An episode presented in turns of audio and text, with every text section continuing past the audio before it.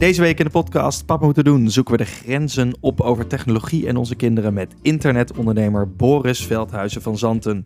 Met zijn eigen kijk op de opvoeding heeft hij al menig ouder geïnspireerd. En in deze aflevering betrappen we hem met zijn Blackberry op de rand van de zandbak. Vragen hoe je cool genoeg blijft om met je dochter naar een feestje te gaan en reflecteren we op al zijn uitspraken uit het verleden. Het wordt hem uiteindelijk zo heet onder de voeten dat hij halverwege de podcast gewoon vertrekt. Daar gaan we.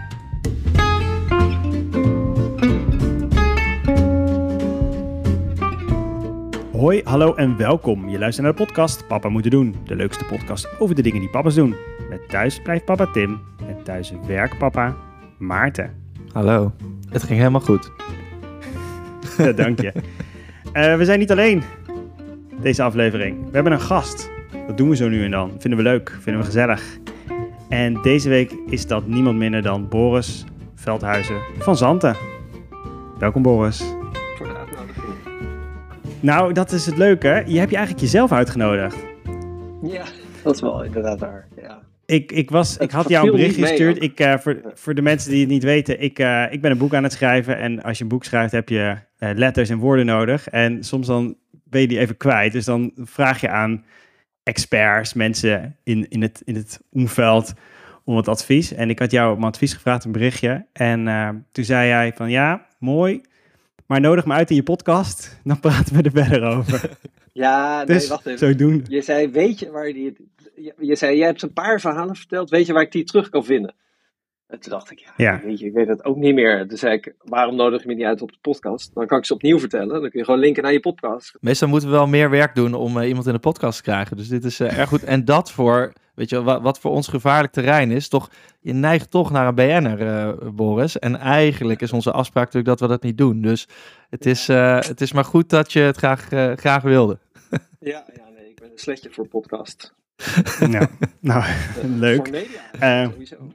Ja. Dat, dat is een beetje, een beetje jouw ding. En over media gesproken, je zit hierna ook weer in een andere podcast, of eigenlijk radio-uitzending die live is. Dus we moeten ook nog een beetje meters maken, begrijp ik. Ja, nee, zeker. Ja, ja. Dat was om twee voor, eh, voor tien. eh, over eh, een aantal minuten. Dan moet ik wegrennen voor de. Om, om Dus jij bent er op een gegeven moment gewoon niet meer. Dan moet je maar gewoon gaan en dan blijven Valt Maarten en gewoon ik een ronde wij wel af. Ja. ja, dat is goed. Dat komt goed. hey, jij bent ondernemer. Mhm. Ehm, maar ook, en misschien wel voornamelijk, papa van Lois en Vee. Ja. Die zijn inmiddels 20 en 18? Eh, 17 en 20. Ja. 17 en 20, oké. En wat ik opvallend aan jou vind, is dat in jouw leven als ondernemer heb je het heel vaak over ehm, work-life balance. En hoe die twee te combineren zijn op een manier dat er eigenlijk iets nieuws ontstaat. Dus in plaats van dat heel veel mensen ze vaak gescheiden proberen te houden van elkaar, heb jij het heel vaak over. Ja, maar het, kan ook samen zijn. En dan ontstaat er, dus ontstaat er meer en dan kunnen we van elkaar leren. Of dan kunnen die twee werelden bij elkaar komen. En ik heb daar een klein clipje van. En eh, sorry alvast eh, voor de Dutch listeners, but it, it's in English. So uh, there we go. I take my work home and I take my family to work. I've only seen like the benefits of that. I think it's inspiring for a child to see that you're working on something with passion.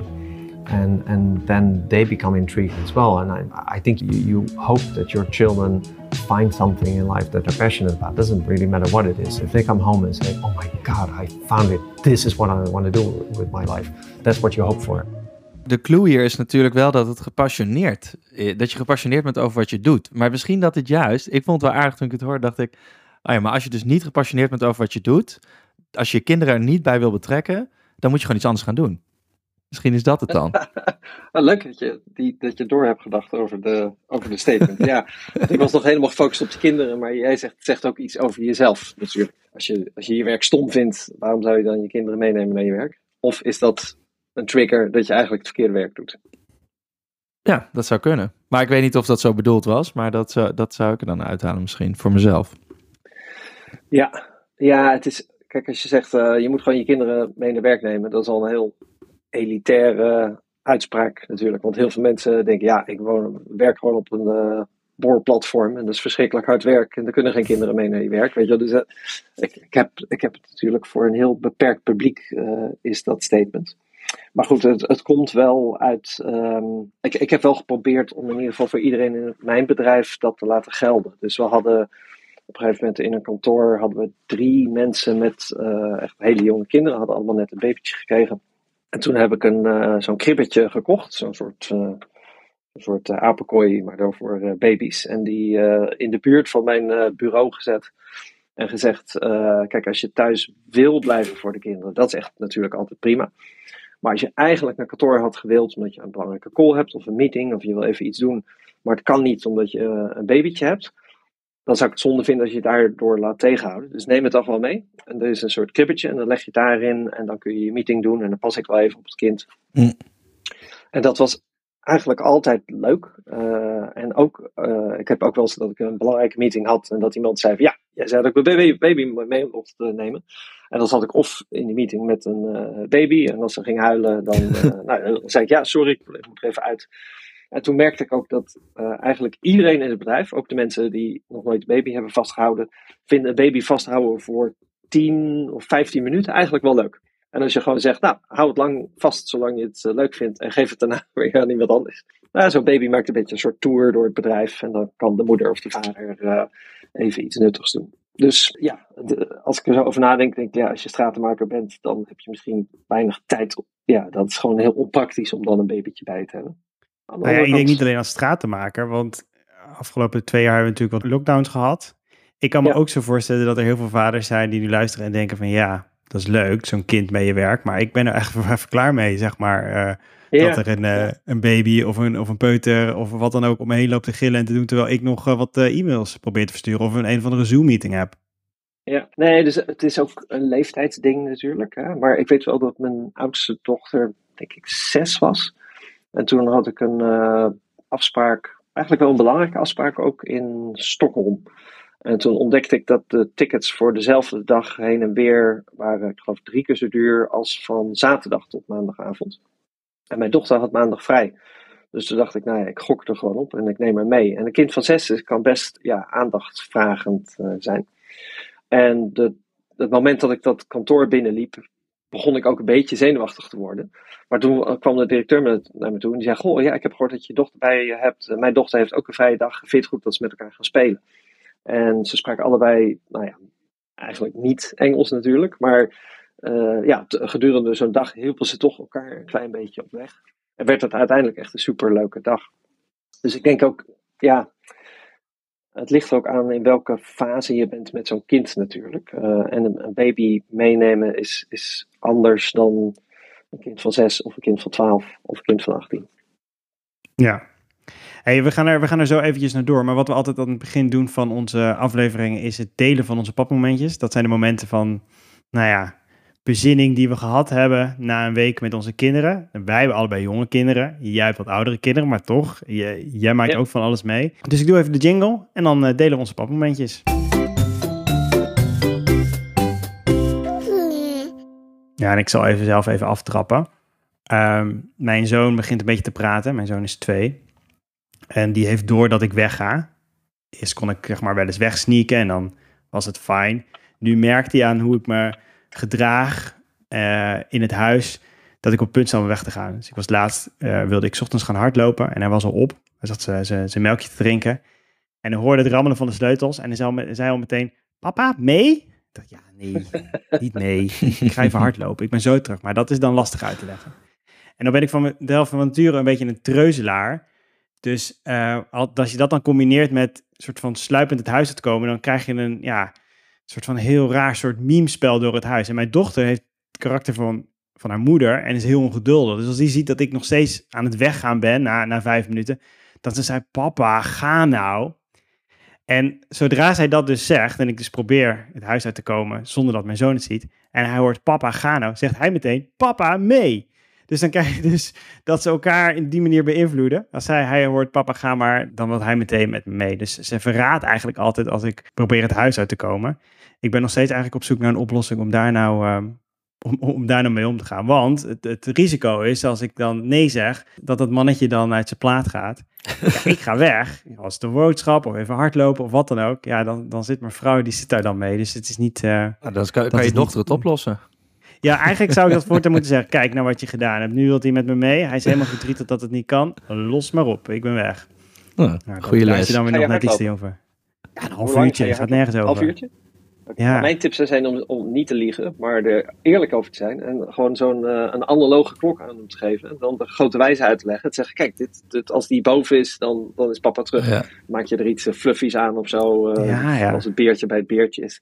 Je hebt zo'n time timer die we in workshops gebruiken. Die zo afloopt, Ja, zo rood zoiets, ja. vel- vlak Ja, dat dan ja. wegloopt. Ja, ja. Ja, Nou, ik, Ja. ik ga het proberen. Een half uur is te overzien, toch? Dus eh kijken Ja, of we ja, dat voor hem een beetje interessant kunnen Ja. maken. Ik zal doorpakken. Ik had, dit weekend had ik eigenlijk een soort blik in de toekomst. Ik had mijn neefjes eh, te logeren. Ik heb zelf eh, eh, een, een zoontje van twee en, een, en nog een baby, mijn dochtertje. En zij zijn vijf en drie. Dus het scheelt allemaal niet zo heel veel. Maar ik zag ineens soort van hoe dat gaat zijn over een paar jaar. En ik, ik geloof vast dat je een soort van elke keer in meegroeit, dus elke fase. Maar dit was ineens, ik, ik vond het zo intens. Ze zijn zoveel sneller. Ze maken zoveel meer rommel. Ze waren overal de hele tijd. Ik zat op een gegeven moment, eh, ze waren ook maar twee dagen natuurlijk, maar ik zat op een gegeven moment op zo'n bankje. Ze waren in de achtertuin aan het spelen. En er zat zand op, eh, werd er gegooid. En alle Lego lag van binnen, was naar buiten gebracht. Het zat overal. En mijn zoontje was een beetje eentje aan het spelen. En zij twee waren een soort die hele tuin aan het terroriseren. Maar toen bedacht ik me dus bij mezelf van, nee, ik, ga daar, ik, ik groei, daar, helemaal mee. Dus dit komt helemaal goed. Maar ik vond wel ook dat ik een klein beetje een blik in de toekomst kreeg. Van eh, wat, er, eh, wat er nog komen gaat. Nou, ik had ook een mooi momentje met mijn dochter van eh 17. Ik was een beetje ziek en toen zei ze, voel je alweer een beetje beter? En toen zei ik, ja, maar ik voelde me zo slecht. Ik werd er gewoon echt zagrijnig van. Ik had een hekel aan iedereen en ik wilde niks meer met de wereld te maken hebben. En toen keek ik haar aan zei ik, eh, ja, behalve eh, jij hoor, ik, van jou ging ik alleen maar meer houden. En toen zei ze, nee, nee, maar ik begrijp wel wat je bedoelt. Want ik, had, eh, ik was ook ziek en ik had ook een hekel aan de wereld. Maar ik ging ook meer van mezelf houden. en, en dat was echt een doelbewuste grap van haar. En, en dat is dus, ehm, het is zo leuk om humor in eh, kinderen te zien ontwikkelen. En hè, dus eh, als ze twee zijn, dan komen ze waarschijnlijk al een keertje, gaan ze een, een soort een keer iets grappigs doen. Waarbij ze zelf bewust zijn van, oh, ik maak een grap. En dan ga je als ouder Ja. eh, natuurlijk extra hard lachen. Maar ja, gevoel voor humor in je kinderen is, eh, is een heel bijzonder iets. Hebben jouw kinderen ook een ander gevoel voor humor? Of zit het gewoon heel dicht tegen dat van jezelf aan? Nou, ik denk dat ze wel allebei een eigen gevoel voor humor hebben, maar ook begrijpen wat ik grappig vind. Dus ze maken soms, eh, eh, ik kan me het voorval niet meer herinneren, maar ik weet nog dat mijn oudste dochter een soort grap ging maken. En dat ze zich al aan het verkneukelen was, omdat ze wist, oh, dit gaat Boris een leuke grap vinden, want dat is helemaal zijn soort grap. Dus, dus dat, ik denk dat juist zeg maar, je eigen smaak en, en, en dus ook humor ontwikkelen, dat dat wel normaal is. Maar ook van elkaar begrijpen wat je leuk vindt, eh, is dan ook weer heel erg leuk. Een beetje tailor-made. Zorgen dat je je ouders eh, er kan laten lachen en ondertussen een soort van je eigen, je eigen weg gaat. Ja, ja dus mijn, mijn oudste dochter, toen ze ik, 15 was of zo, toen zei ze op een gegeven moment: Hé hey, eh, Boris, ik heb, ik heb echt iets voor jou geleerd, een, een ding. Nou, dat is echt, als vader, eh, daar, daar hoop je 15 jaar op natuurlijk, dat ze iets van je gaan leren. Dus, dus ik Oeh, eh, vertel, wat, wat heb je dan geleerd? En toen zei ze: Ja, wat jij doet, is dat als iemand iets zegt om jou te choqueren. Dan, dan vertrek je eigenlijk niet, eh, dan reageer je niet. Maar dan kom je meteen met iets terug wat eigenlijk nog veel chockerender is. En ik zei, oh god, interessant dat je dat dan bij mij merkt. Maar hoe had je dat dan toegepast? Toen zei ze, nou ja, ik eh, ging naar school en ik liep de, eh, het plein op en ik had een rokje aan. En toen was er een groepje jongens. En een van de jongens die zei, eh hey Lois, geel rokje heb je aan. En toen zei ze, ja, eh, normaal krijg je dan een rood hoofd en loop je weg. Maar ik dacht, oh nee, ik moet er gewoon overheen. Dus ze had ze teruggeschreeuwd en gezegd, eh, ja, anders krijg ik zo'n die, die jongens, dus- en ik zei, wauw, shit, oké, ik weet niet of dat, of dat goede opvoeding is, maar oké, maar, ik zei, hoe reageerden die jongens? Het- ze zeiden, nou ja, die jongen die iets had geroepen, die, die kreeg een rood hoofd en die dropen af. En die andere jongens, die waren allemaal echt een slappe lach, en, dus ik had sowieso gewonnen.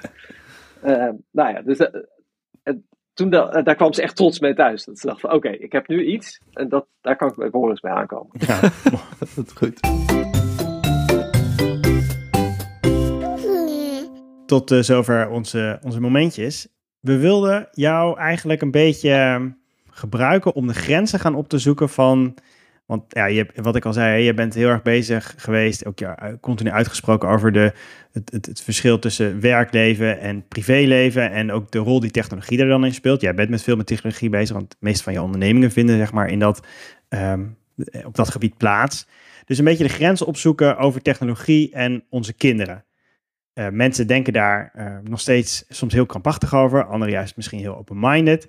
En ik wilde om uh, dat te introduceren even beginnen met een, met een clipje. Oh, for God's sake. Do you know how lucky you, you are? They are tiny little miracles. Your 17 Twitter followers can wait. Talk to your children. They're not my children! I'm sorry. I'm calling the police. We can't get a criminal record. They won't give us a kid. Sorry, mate. We're not bad people. It's just, it's just very complicated.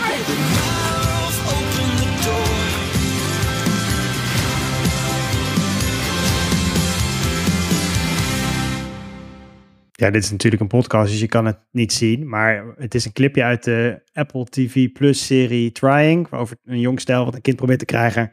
En op een gegeven moment dan uh, ziet uh, de, de vrouw van het stel ziet een man in het park uh, op zijn telefoon zitten.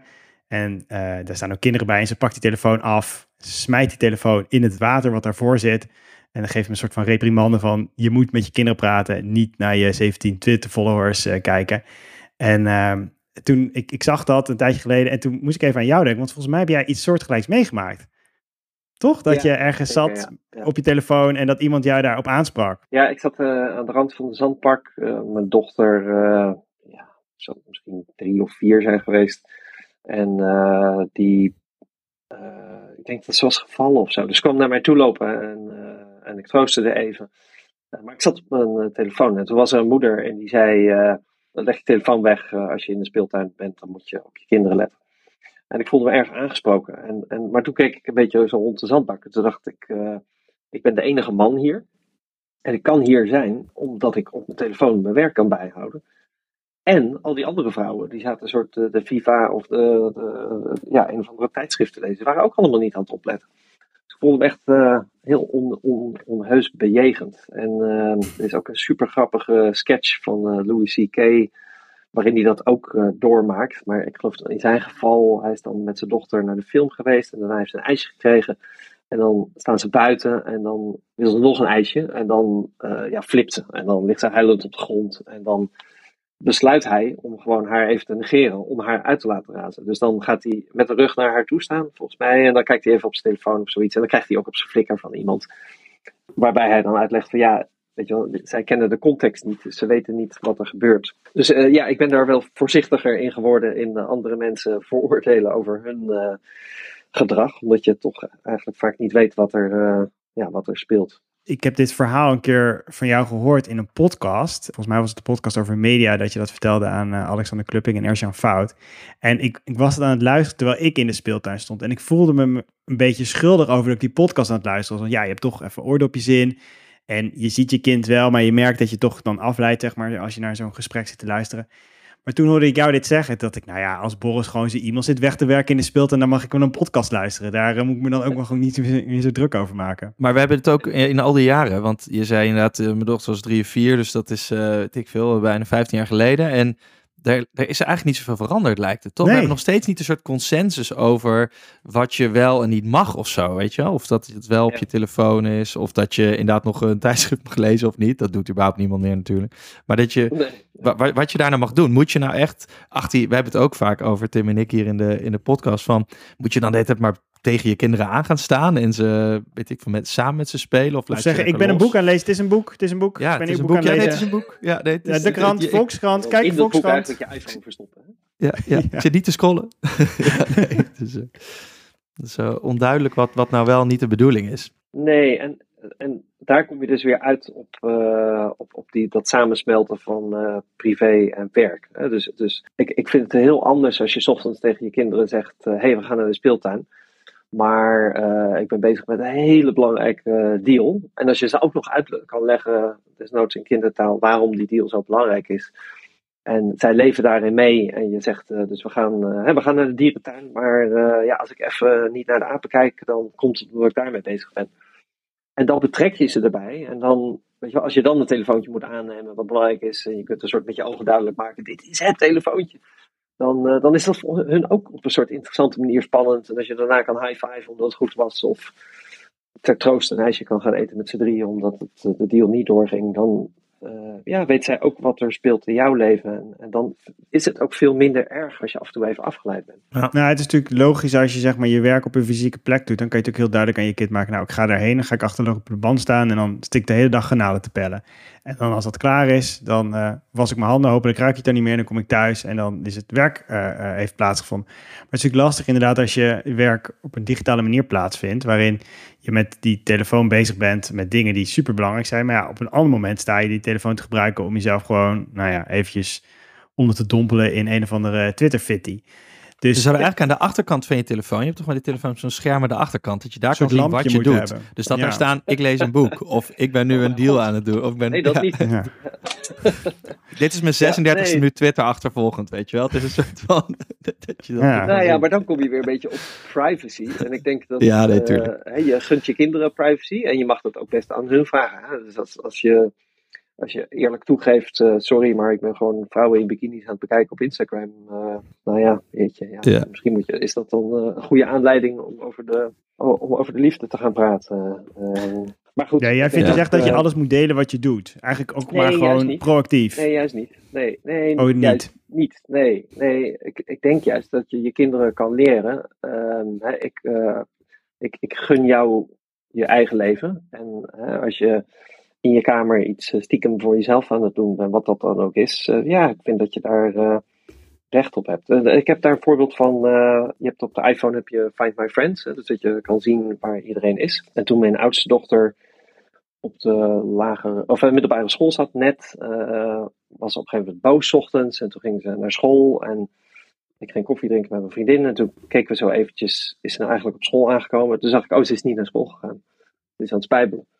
Hm. En toen hadden wij dus samen discussie van moeten we haar nou bellen, moeten we haar confronteren? En zeg ik ja, ik vind eigenlijk van niet, want uh, ik heb ook wel eens gespijbeld en dan was er niet een telefoon die mij trackte. En we hebben dat eigenlijk alleen maar voor gewoon ja, calamiteiten, zeg maar, hè? Of, of, voor, of voor, voor plezier en lol. Maar zodra we haar ermee gaan controleren, dan, dan maak je eigenlijk misbruik van dat vertrouwen. Dus laten we haar maar gewoon gaan.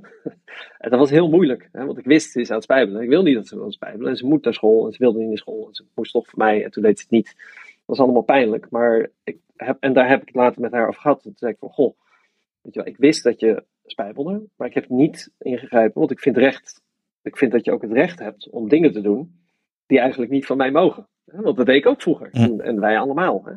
Dus dat, dat ja, en, en daardoor dat was ook weer een soort investering in die relatie, dat ik dat tegen haar kon zeggen.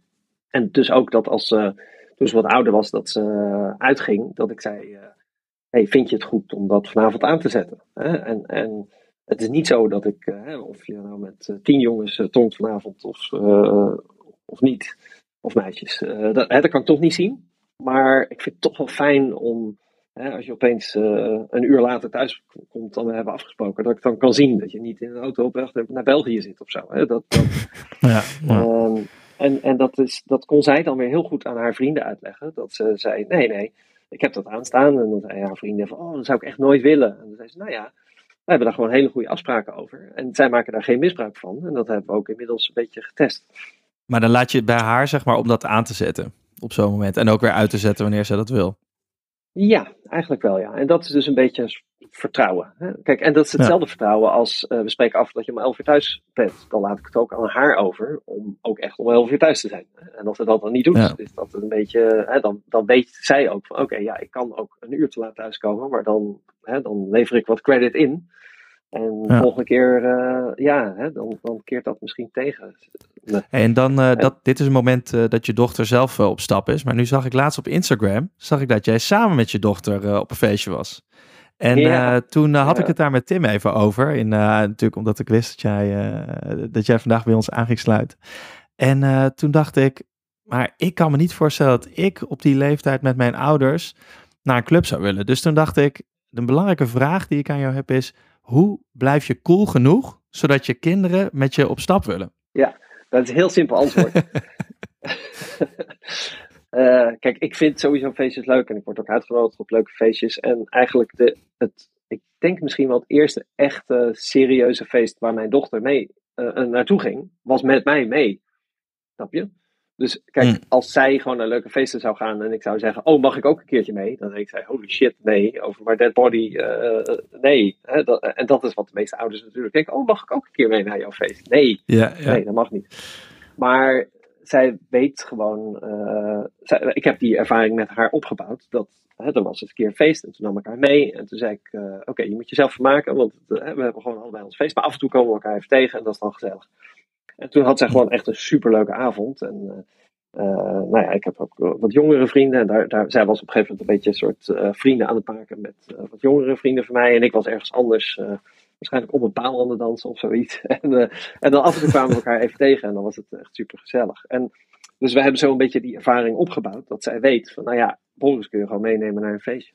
En ik had een super trots moment. Dus een paar maanden geleden dat ze op een vrijdag belde. En dat ze zei, hey, heb je vandaag zin om, uh, heb je vanavond zin om mee te gaan naar een feestje? En toen zei ik, maar moet je niet met je vrienden? En toen zei ja, ja, ik ga ook met mijn vrienden. Maar die vinden jou ook wel leuk. Dus je, je, het is gewoon leuk als je meegaat. En toen dacht ik, oké, okay, dit is wel echt de Nobelprijs voor vaderschap. Als je, als je dochter van 19 vraagt of je mee wil naar een feestje. Dat was al uh, was een mooi moment. natuurlijk ja. altijd. Dat kan niet anders. Huppakee, dan komen die flesjes champagne weer op tafel.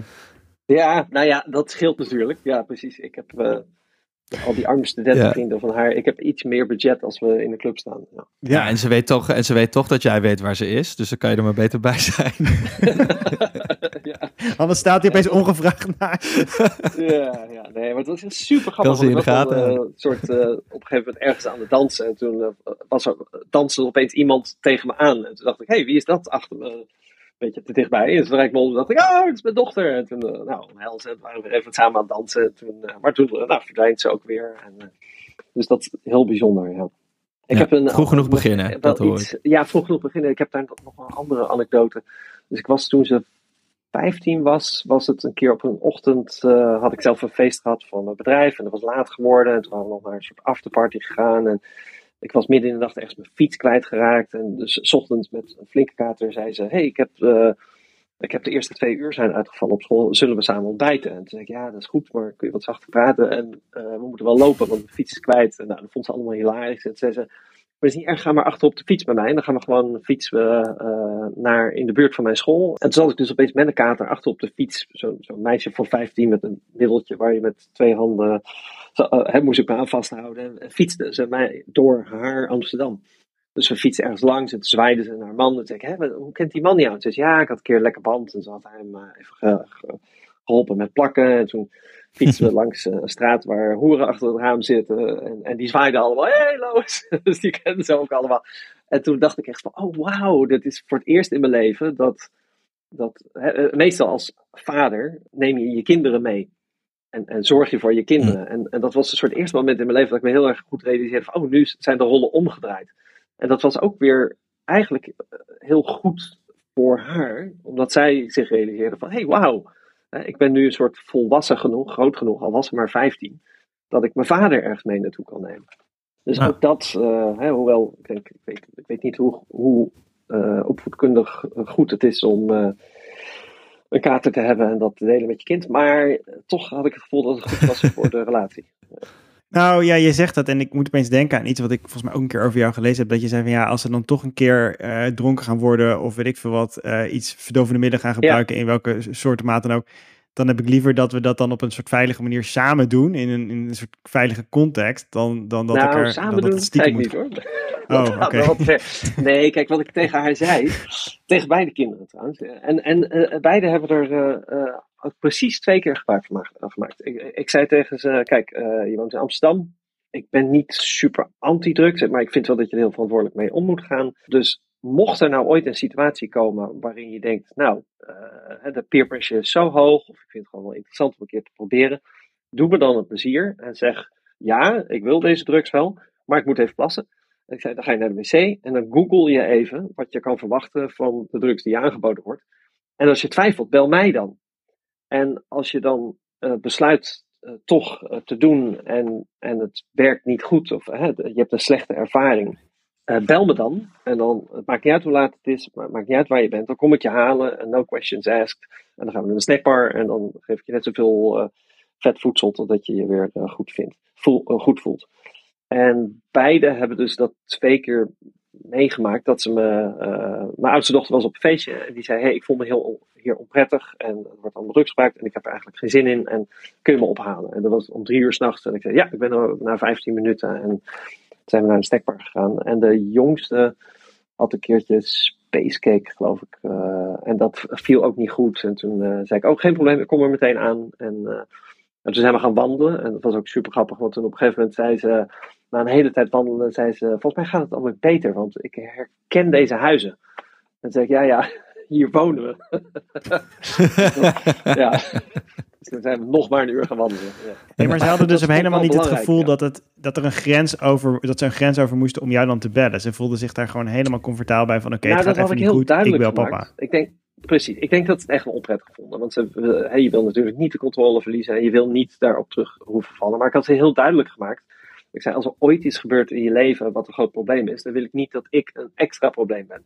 Uh, ik, wil, uh, ik wil de oplossing zijn voor je. Ik wil niet dat, je, dat je denkt, nou ja, ik ga toch maar blijven op een feestje waar ik me ongemakkelijk voel. Want anders moet ik opbiechten dat. Uh, ik wil niet dat je um, ja, als, als drugs echt verkeerd uitpakt, uh, ja, dan wil ik je gewoon naar het ziekenhuis brengen. Dan wil ik niet dat je dat je, je maar verstopt ergens in een bezemkast, omdat je het mij niet durft te vertellen. Dat, dat, dat was mijn uitgangspunt. Maar het zijn een soort ja. terugkerende thema's lijkt, hè? Een soort open zijn, eerlijk, transparant met je kinderen. En dan dus over je werk en over dit soort dingen. En dan, dan kan ja, ineens heel veel. Ik denk dat...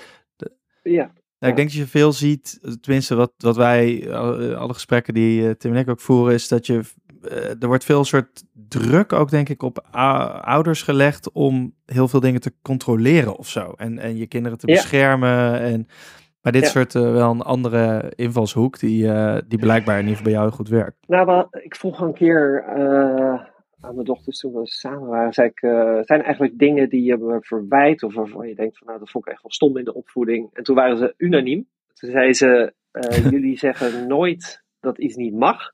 Maar je praat net zo lang tot ik het niet meer wil. En soms is dat zo ontzettend vervelend. en toen dacht ik, oh ja, dat herken ik wel. Ja. ja, dus ik zou inderdaad niet snel zeggen van iets dat het niet mag. Maar, maar ik praat wel net zo lang totdat het duidelijk is dat hetgene wat je wil echt een slecht idee is. En, en dat vind ik eigenlijk ook ergens wel prettiger of zo. En ik, de, ik denk dat ze een beetje overdrijven. En dat we zeker toen ze kind waren wel ja, af en toe iets... Uh, misschien aan het verbieden waren. Maar, maar dan nog denk ik dat we toch altijd proberen de, de logica daarvan in te laten zien. Hey, en uh, even over, je had het uh, over problemen oplossen. Wij hebben wat uh, problemen voor jou. En dan vragen -huh. wij om de oplossing. Een soort stellingen waar je even een keuze in moet maken. Laten we er even snel doorheen gaan. Want ik denk dat dat best wel mooi aanhaakt op de dingen die we hier, hiervoor besproken hebben. Om te beginnen met een makkelijke.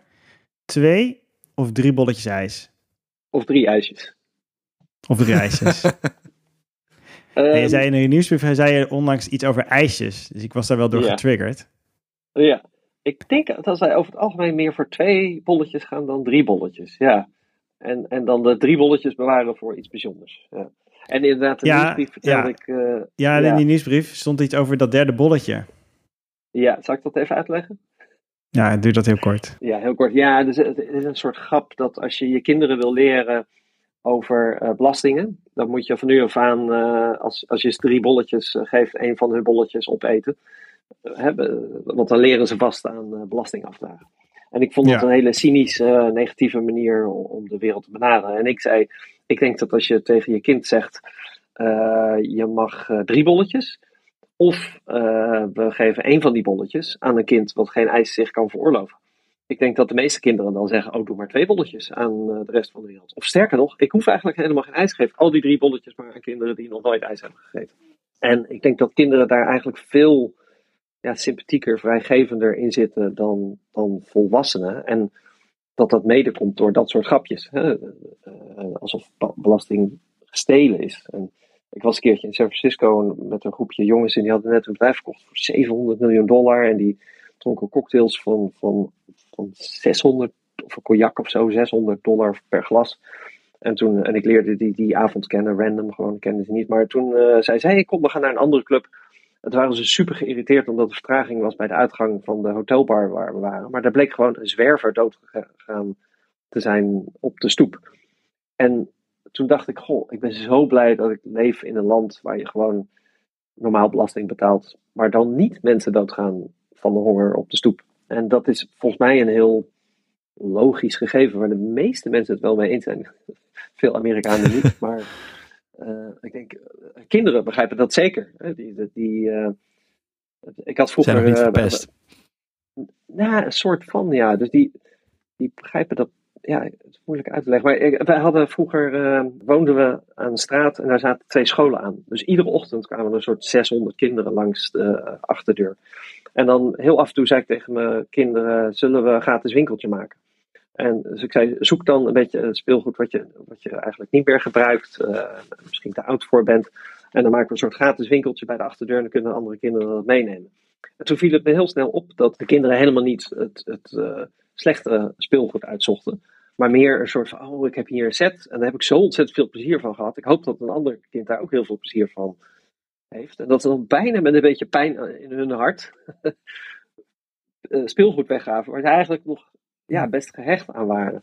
En dat vond ik heel positief. En ik heb, en dat is niet om op te scheppen over mijn eigen kinderen, want dat klinkt misschien een beetje, maar ik heb het gevoel dat de meeste kinderen dat hebben. Hè? Dus een soort vrijgevigheid en denken van nee, maar natuurlijk is het fijn als iedereen uh, gelukkig is en iedereen speelgoed heeft.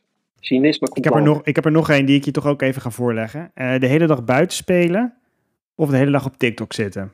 Ja, dus wat ik heb gezegd is dat er is een soort uh, dus mijn antwoord is, je mag dat aan het kind overlaten. En dat veel ouders zijn het daar niet mee eens. Want die zeggen, ja, maar kinderen moeten buiten spelen, want dat is goed voor ze. En, ja, uh, of, of een maximaal een uur op TikTok.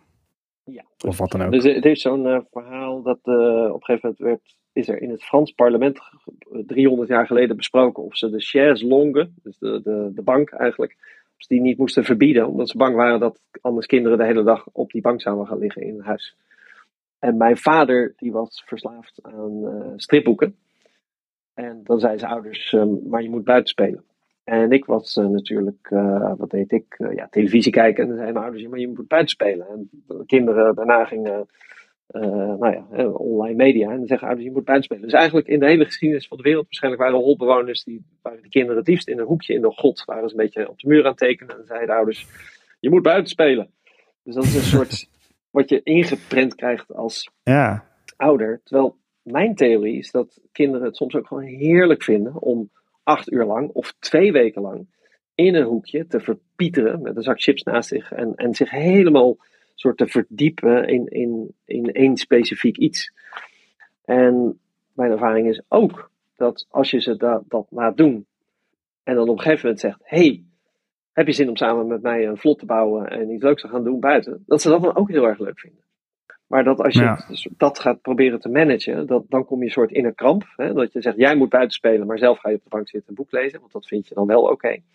En Ja. dat die kinderen denken, ja, ga ik er met eentje buiten spelen, dat, dat werkt dan ook niet. Dus, Dit haakt wel ja, aan bij het, eh, het, het stukje opvoedadvies wat ik eh, van jou eh, gelezen heb. eh, waar ik altijd aan terug moet denken over hoe ik denk dat ik dat ook zou willen doen met mijn kinderen. Dat is namelijk het gebruik van devices aan tafel. En wat jij Ja. daarover gezegd hebt is van... Oké, je mag prima gewoon je telefoon gebruiken aan tafel... of de iPad of wat voor apparaat dan ook. Maar we doen het wel samen. Dus als je dat gebruikt, of je je stuurt een bericht of je zoekt iets op of wat dan ook, dan moet je dat delen met de tafel. Dat vind ik een heel ja, een interessant gegeven, want daarmee maak je het ehm, vaak. Waarom willen we dat niet? Omdat ze zich dan terugtrekken in dat kastje. Terwijl als je Ja. het dan weer openzet, dan is het een gezamenlijk iets. En dan is het gewoon een middel om een gesprek te hebben of een eh, feitje op te zoeken of eh, Ja. een onderwerp eh, met elkaar te bespreken. Ja, en even voor de duidelijkheid, ik bedoel het niet als een soort straf. Hè? Niet dat als mijn dochter een berichtje naar haar vriendje stuurt, dat dat Nee, precies. zeggen, nu moet je het laten lezen aan ons. Want dat zou ik nooit doen. Maar wat ik meer bedoel is, dus het voorbeeld wat ik toen gaf volgens mij was over broccoli of zo. Dat, dus mijn dochter zei, is broccoli eigenlijk gezond? En toen zei ik, eh, pak even een iPad, zoek het op. Weet je wel, want dan weten we het allemaal. En dan is het eigenlijk heel interessant als je Als je, als je, als je eh, iets te delen hebt. En gisteren zaten we met z'n drietjes te eten. En toen hadden we het ergens over. Toen zei mijn dochter: Oh, ik heb daar echt een super grappig filmpje over. En toen liet ze een filmpje zien. En toen hebben we dat met z'n drieën zitten kijken. Terwijl we aan het eten waren. En toen was mijn vriendin, die had ook iets opgezocht. En ja, dan, dan is het eigenlijk een soort gesprek. En, en door te zeggen, de regel is geen apparaten aan tafel, maak je het weer een soort, alles wat je verbiedt wordt eigenlijk interessant. Hè? Terwijl als je zegt, Mhm. kijk, als jij op je device gaat zitten, eh, afgesloten van ons, dat is gewoon voor de rest niet zo heel gezellig.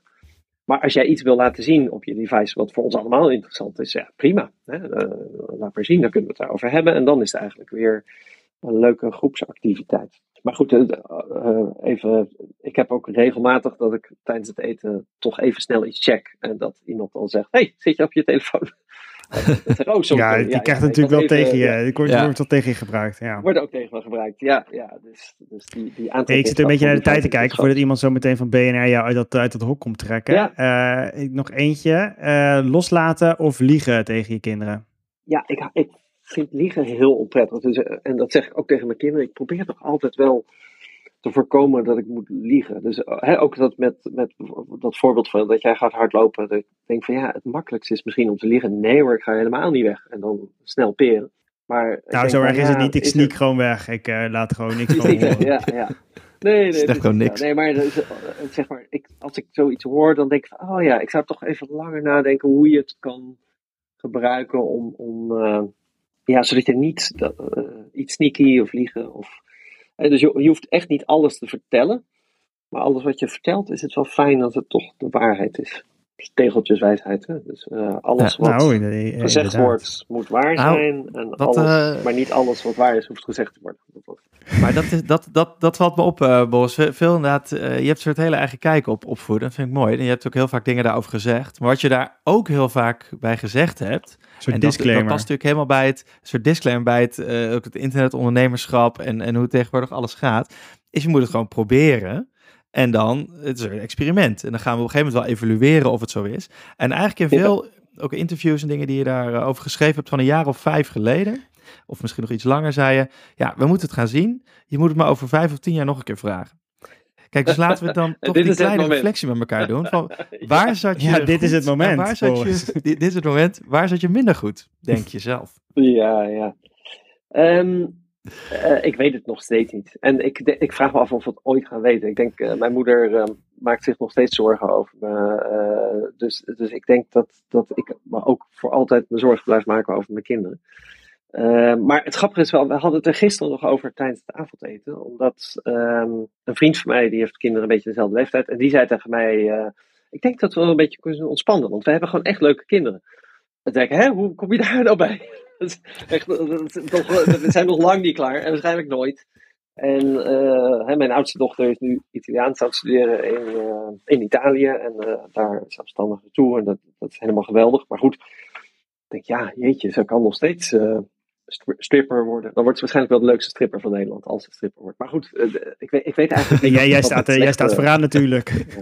En ik sta vooraan, ja, ja. Ik kan, ik kan wel wat introducties doen. Ja. Nee, nee, nee. Ik hoop niet wordt. Ik denk dat, eh, dat ze andere kwaliteit. Maar, Kwaliteit maar heeft, goed, ja. ik denk, eh, ja. Ik denk dat dat, dat is dus iets heel grappigs is. Omdat veel ouders die zeggen, oh, het maakt mij niet uit wat mijn kind wordt later. eh, als ze maar gelukkig van worden. Maar ja, de voorbeelden die ze dan noemen zijn, zijn, zijn meestal toch wel beroepen waar je ook echt trots op kan zijn als ouder. En het is natuurlijk veel eh, interessanter wat als je kind gewoon niet voldoet aan je verwachtingen en inderdaad iets gaat doen wat ze zelf leuk vinden, maar waarvan je de hele tijd denkt, jeetje, goh, ik had hogere verwachtingen. Dan, dan, is, dan komt de proef op de som. Nee, precies, maar dat, dat is het. Je moet een soort. eh, het, het gevaar is dat je inderdaad zegt van eh, alles mag. Terwijl, en dat, dat is ook zo. Maar je moet je wel beseffen dat je misschien zelf wel een mening over hebt. Alleen het is Ja. goed om of bij jezelf af te vragen van hoe ga ik dan om met die mening. Maar het is Ja. niet, eh, niet zo dat je alles maar even prima vindt. Dat denk ik ook niet, nee. Dat is een nobel streven. En ehm, natuurlijk zeggen we dat allemaal. Maar als het dan puntje bij paaltje komt, dan wordt dat misschien nog best even pittig. dus ja, ik weet het nog niet. Eh, antwoord, ik, ik weet niet of mijn kinderen... Ik, ik vind echt serieus dat ik hele leuke kinderen heb. Maar, maar ja, Ja, we moeten hier gewoon over tien jaar weer spreken. Of over vijf jaar. Ja, graag. Ja, zet het in de agenda vast. Dan eh, evalu- evalueren we regelmatig. pellen we, pellen we verder af. Dan gaan wij in- inmiddels al die dingen die jij gezegd hebt, zeg maar, op onze kinderen toepassen. Dus dan eh, kunnen we ook echt als ervaringsdeskundigen spreken, in plaaads van alleen maar een soort van bezorgde ouders. moet je niet bij mij zijn, hè? Dat is dan.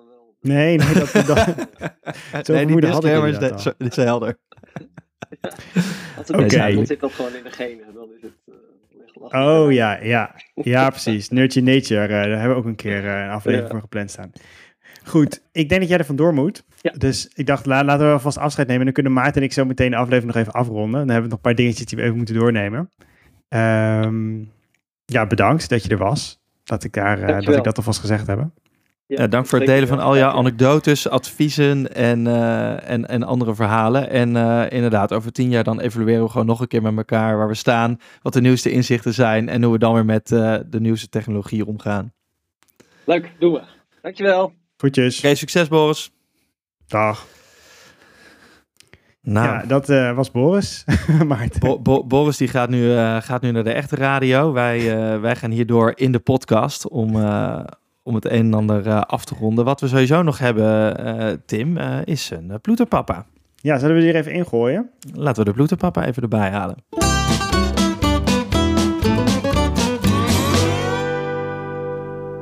Ja, en ik kan wel zeggen dat dit een, een stukje uit een podcast is die inmiddels een persoonlijke favoriet van, is, van ons is geworden. Dat is de podcast Weer een Dag van eh, Gijs Groenteman en Marcel van Roosmalen. Ook allebei vaders, maar wel, nou, ik denk wel 20, 25 jaar ouder dan dat wij zijn. Zijn nog weer een stukje ouder dan Boris. Eh, hebben het daar ook eh, regelmatig over. Grappig genoeg heeft Marcel van Roosmalen, die toch een beetje, een beetje morsig type, heeft nog best wel heel jonge kinderen. En eh, daar had hij het laatst over in die, in die podcast. Hij, hij wordt geïnterviewd, of daar vertelt hij over dat er iemand van de Volkskrant met hem meeloopt. En, en, en op zijn pappadag, vermoed ik. Zij gaat de kinderen ophalen van school. En eh, die man van de Volkskrant die is daarbij om er een verhaal van te maken. En hij maakt zich heel erg zorgen op hoe hij overkomt op die interviewer. Maar goed, ik was met twee kindjes, eh, drie kindjes, kinderwagen ook. Daar liep inmiddels Gijs Beukers achter. Dat vind ik ook ja, behoorlijk. Ja, je, geeft toch je kind uit handen, maar goed. Makkelijk.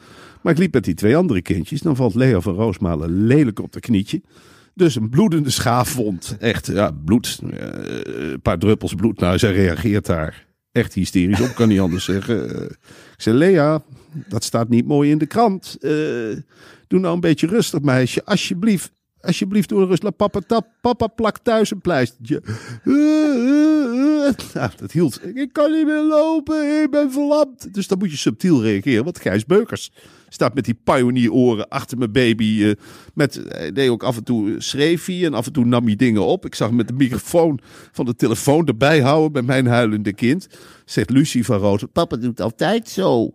Als we pijn hebben, is papa er niet. Ik zeg, je papa is er wel. Papa is er wel. Hoor je dat, Lucie? Ik zeg, dit moet eruit. Nou, dat soort gesprekken.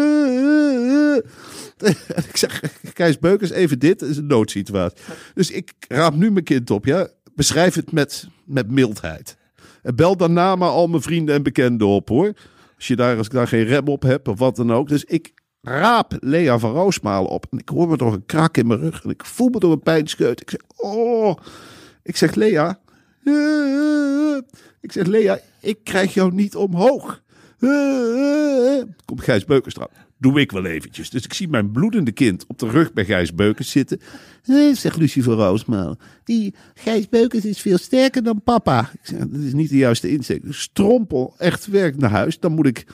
Dan spelen we altijd operatietafeltje als er wonden zijn. Dus eh, nou goed, ik, eh, allemaal pleisters, eh, extra veel verband. Speel je operatietafeltje? Als de, als de kinderen gewond zijn, dan doe ik ziekenbroedertje, een operatietafeltje, en dan pleisters erop, snoepjes erin. Maar ja, je voelt je geremd, want er zit iemand bij van de Volkskrant. Dit lijkt mij voor jou ontzettend lastig ook, Tim. Want jij gaat straks met jouw bestseller in de hand natuurlijk bij alle podcasts en alle andere media uitgenodigd worden of voor ook dit soort eh, persoonlijke interviews Ja. met je gezin. Ja, Dat dat valt lijkt natuurlijk mij heel genadig door de mand. Ja, Ja. ik hoor het al. Dit lijkt mij nodeloos complex eigenlijk. Nee, er zijn alleen maar verliezers. Want nou, behalve Als- Gijs Beukers. Die heeft Gijs- volgens mij wel naar zijn zin. Gijs Beukers die gaat waarschijnlijk echt een topstuk afleveren. Ik kan niet wachten om het te lezen. Maar ja, ehm, kijk, Marcel heeft natuurlijk iets minder misschien een reputatie hoog te houden van, van vader. Maar als ik pretendeer de thuisblijfvader te zijn, dan hebben mensen daar bepaalde verwachtingen van. Als er vervolgens er een interview komt en blijkt dat ik er ook een soortje van maak, dan is het, ha, we hebben hem. Weet je Je gaat Dat- toch dezelfde disclaimers geven als Boris? Ik bedoel, het is garantie tot aan de deur, toch? Ja, dat is ook zo. Maar ik geef ook niet echt advies. Ik beschrijf meer hoe het is om als thuisblijfvader thuis te zijn en voor je kinderen te zorgen. En wat dat je brengt en wat het je misschien niet brengt. En ehm, dus daar zit, ik kijk, ik, ik- daar, dat is niet, niet heel opvoedkundig. Alleen je bent natuurlijk wel je imago aan het bewaken. Je bent wel natuurlijk, en, en vooral ook als je het je kinderen betreft. Ik wil, ik wil dat eigenlijk nog ook aan, eh, aan, aan Boris vragen van... Ja, als je dan interviews met je kinderen doet, hij heeft er ook een paar gedaan waar die dan, nou ja, in zo'n, zo'n, is echt in zo'n magazine, zo'n spread met van die foto's en dan dat enorme huis van hem en dan die kinderen erbij. Ja, ik weet niet, ik voel me daar een beetje ongemakkelijk bij. Wij bespreken onze kinderen wel, maar wij, wij- we doen dat wel heel discreet. Ze moeten niet, ik, Maar- toch? Wij vinden we niet Nou, dat, zeg maar, als ze dit ooit terugluisteren, dat... Wat zeg je? Een balkje over de ogen dan. Ja, maar dat is helemaal alsof het van die misdadigers zijn. Nou Nee, maar ja, geval- dat is een an- an- andere aanpak. En kijk, het, de, de aanpak is denk ik heel vergelijkbaar. Het is heel anekdotisch en je vertelt je ervaring. Mhm. En misschien hoe je je daarbij voelt. Eh, alleen, eh, jij beredeneert het natuurlijk ook heel erg vanuit wat het jou brengt. En, eh, en hij betrekt zijn kinderen daar natuurlijk bij, zoals hij altijd zijn werk en zijn leven bij elkaar betrekt. Ja, je, Ja. je houdt dat gewoon meer gescheiden. is gewoon een andere aanpak. Ja, maar ik denk dus dat je er op een gegeven moment niet aan komt, net als dus het werken in het privé gaat op een gegeven moment toch ergens samensmelten. Als je schrijft over en vertelt over de dingen die je privé meemaakt en daar je werk van maakt, en daar begint dit toch een beetje op te lijken. eh, ja, dan is op een gegeven moment is, eh, is het hek Nou, dan moet je het toch voor de leeuwen gooien. Dan, eh, dan, dan is het gewoon verdienen. Verdienen. Over, over ben je gewoon onderdeel van het bedrijf. Nou ja, ze zijn, ze- zolang ze nog geen zeg maar kind-influencers worden en van die, van die rotsen moeten gaan aanprijzen, dan is Oh ja, nee, dat ze binnenkort dan eh, in het kantje van de zeeman staan om dan de nieuwste, de nieuwste t-shirts aan te smeren. Waarom dan weer de zeeman? Waarom niet iets meer soort van highbrows? Oh, je eh, wil meer cachet. Oké, nou de... Of iets een beetje eh, inclusief, Waar, waar, waar halen jullie ook alweer alle kleren? Bij de Zara. Bij de Bij Zara, de heel Zara. spannend. Nou, Ja, als die mij willen sponsoren, krantje. dan, eh, dan zijn ze welkom hoor. Goed, tot zover.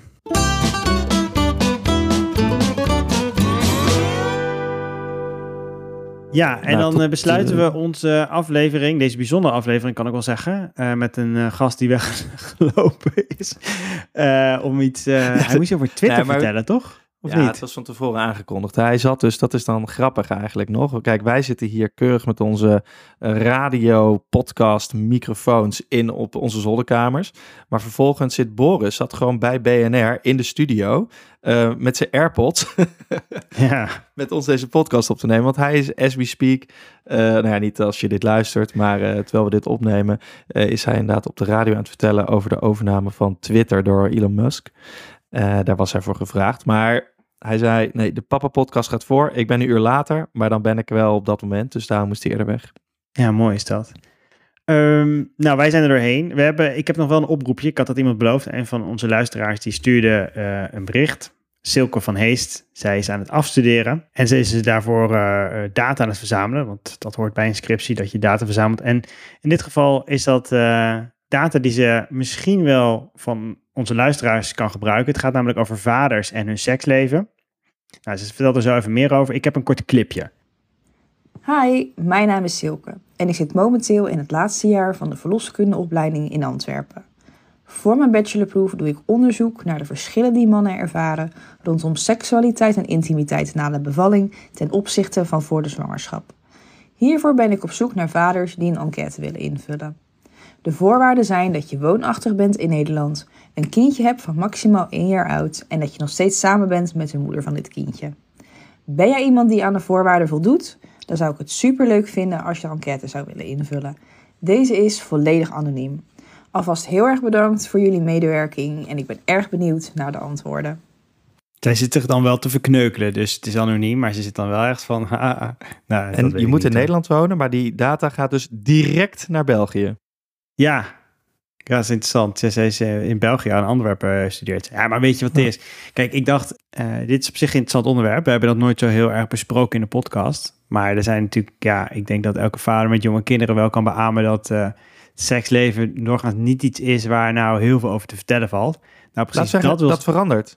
Nou ja, dat, ja, of niet. Maar Silke die wil er in ieder geval alles over weten. Ik zal een linkje in de show notes zetten. En dan kunnen we haar helpen om hier eh, onderzoek naar te doen. En dan stel ik me deze meteen voor, als ze daar dan mee klaar is, dan ben ik ook wel heel benieuwd naar die bevindingen. Dus dan mag ze het in de podcast komen vertellen wat, er, eh, wat ze ontdekt heeft.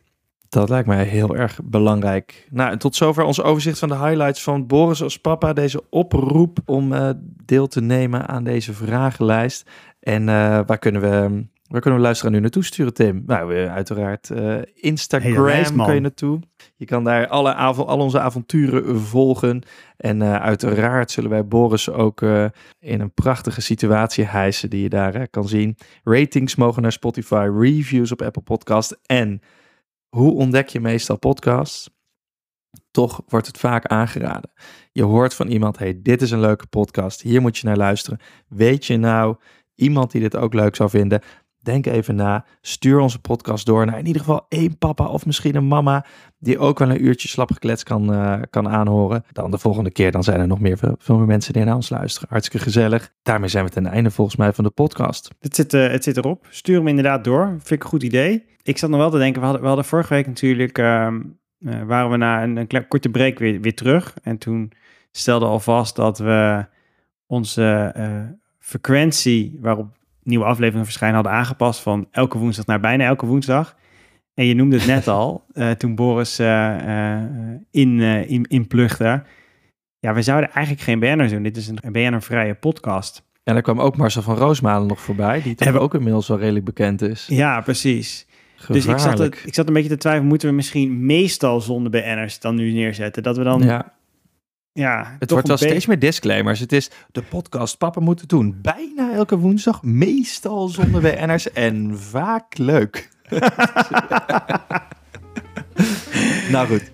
Ja, okay. Met al die disclaimers, uh, als je het weer leuk vindt om te luisteren, over uh, ongeveer twee weken zijn we er weer. Uh, dankjewel en tot dan. Tot dan, dag.